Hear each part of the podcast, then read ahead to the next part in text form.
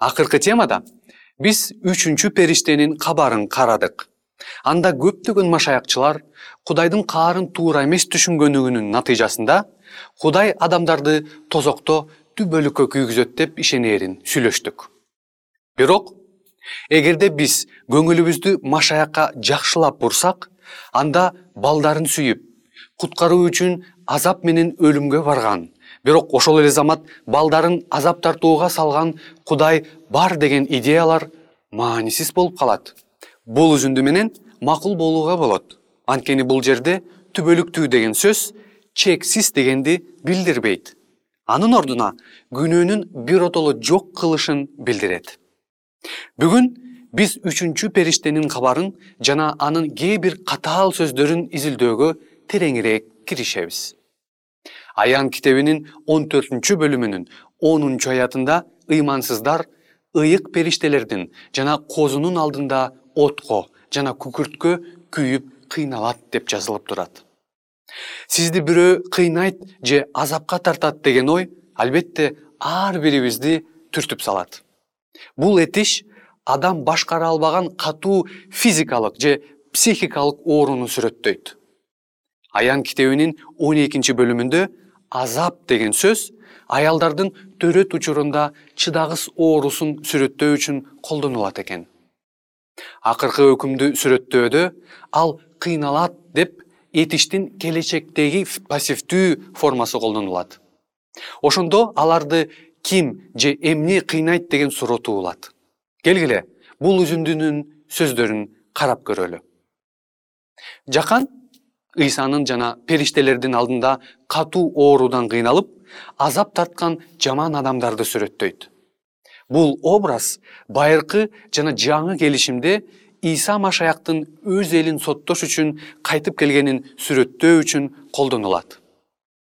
Ыйсанын экинчи жолу периштелердин коштоосу менен келгенде адамзат көрбөгөндөй керемет көрүнүш болот. Ыйык китепте айтылгандай баары аны көрүп анын алдында турушат. Үчүнчү периштенин сөздөрү абдан ачык жана так экенин унутпашыбыз керек. Мыйзамсыздар падышалардын падышасынын алдында эмес теңирдин алдында да эмес козунун алдына келишет деп турат. Алар өйдө карап машаякты айкаш жыгачта кадалган жана бүт дүйнөгө кудайдын чексиз сүйүүсүн көрсөткөн момун козуну көрүшөт козу момундуктун жана сүйүүнүн символу. Ошондуктан мыйзамсыздар өч алуучу ачууланган кудайдын алдында эмес сүйүүсү дайыма адамдарга багытталган кудайдын алдына чыгышат. Ыйса мындай дейт. Эгерде мен жерден көтөрүлсөм баардыгын мага жакындатам. Кээ бирөөлөрүн куткарылуу үчүн башкаларын сот үчүн дал ушул убакта куткарылбагандар жана жамандыктын баардык күчтөрү ааламдын тарыхында кудайдын сүйүүсүнүн эң терең ачылышы менен бетме бет кезигишет. Ыймансыздар ыйсаны көргөндө чынында эле кудай сүйүүнүн жана чындыктын кудай экенин жана шайтандын калпы эч нерсеге арзыбай турганын түшүнүшөт. Ошондо биз мыйзамсыздарды кыйнап аларга азап келтирген өч алуучу кудай эмес. Тескерисинче чексиз сүйүү көрсөткөн кудай экенине тыянак чыгарсак болот. Бул алардын күнөөсүн акырында моюнга алуу жөндөмүн ойготот дагы алар өздөрүн чынында кандай экенин көрүп кереметтүү кудайдан түбөлүккө бөлүнгөнүн түшүнүшөт.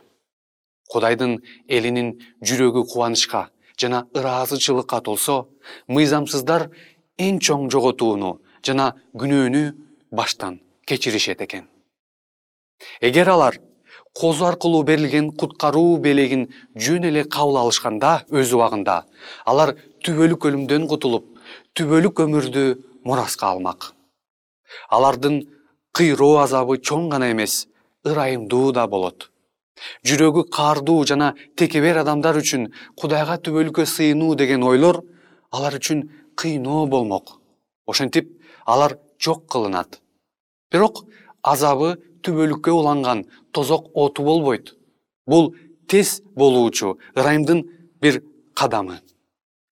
Акыркы соттун жүрүшүндө чындыгында кудай бүткүл ааламдык соттун алдында көрсөтө турган эң ачык айкын жана жалгыз далил болуп айкаш жыгачта ачылган анын жан аябас сүйүүсү болот. Бул далил жетиштүү болот. Ыйсанын курмандыгын көрүп жаман күчтөр кудай чынында адил экенин моюнга алышып алар өлүүгө татыктуу экенин моюнга алышат. Анткени кудай аларды кайра кайра чакырып тынымсыз аракет кылганына карабай алар көрмөксөнгө салууну тандашкан. Элчи жакан бул учурду күткөн.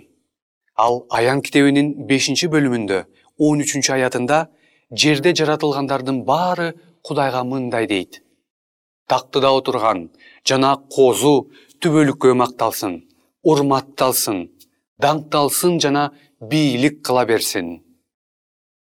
Бүт аалам ыйса машаяктын кудай экенин жана анын айкаш жыгачта курмандыгы бүт ааламды түбөлүккө бириктиргенин тааныйт.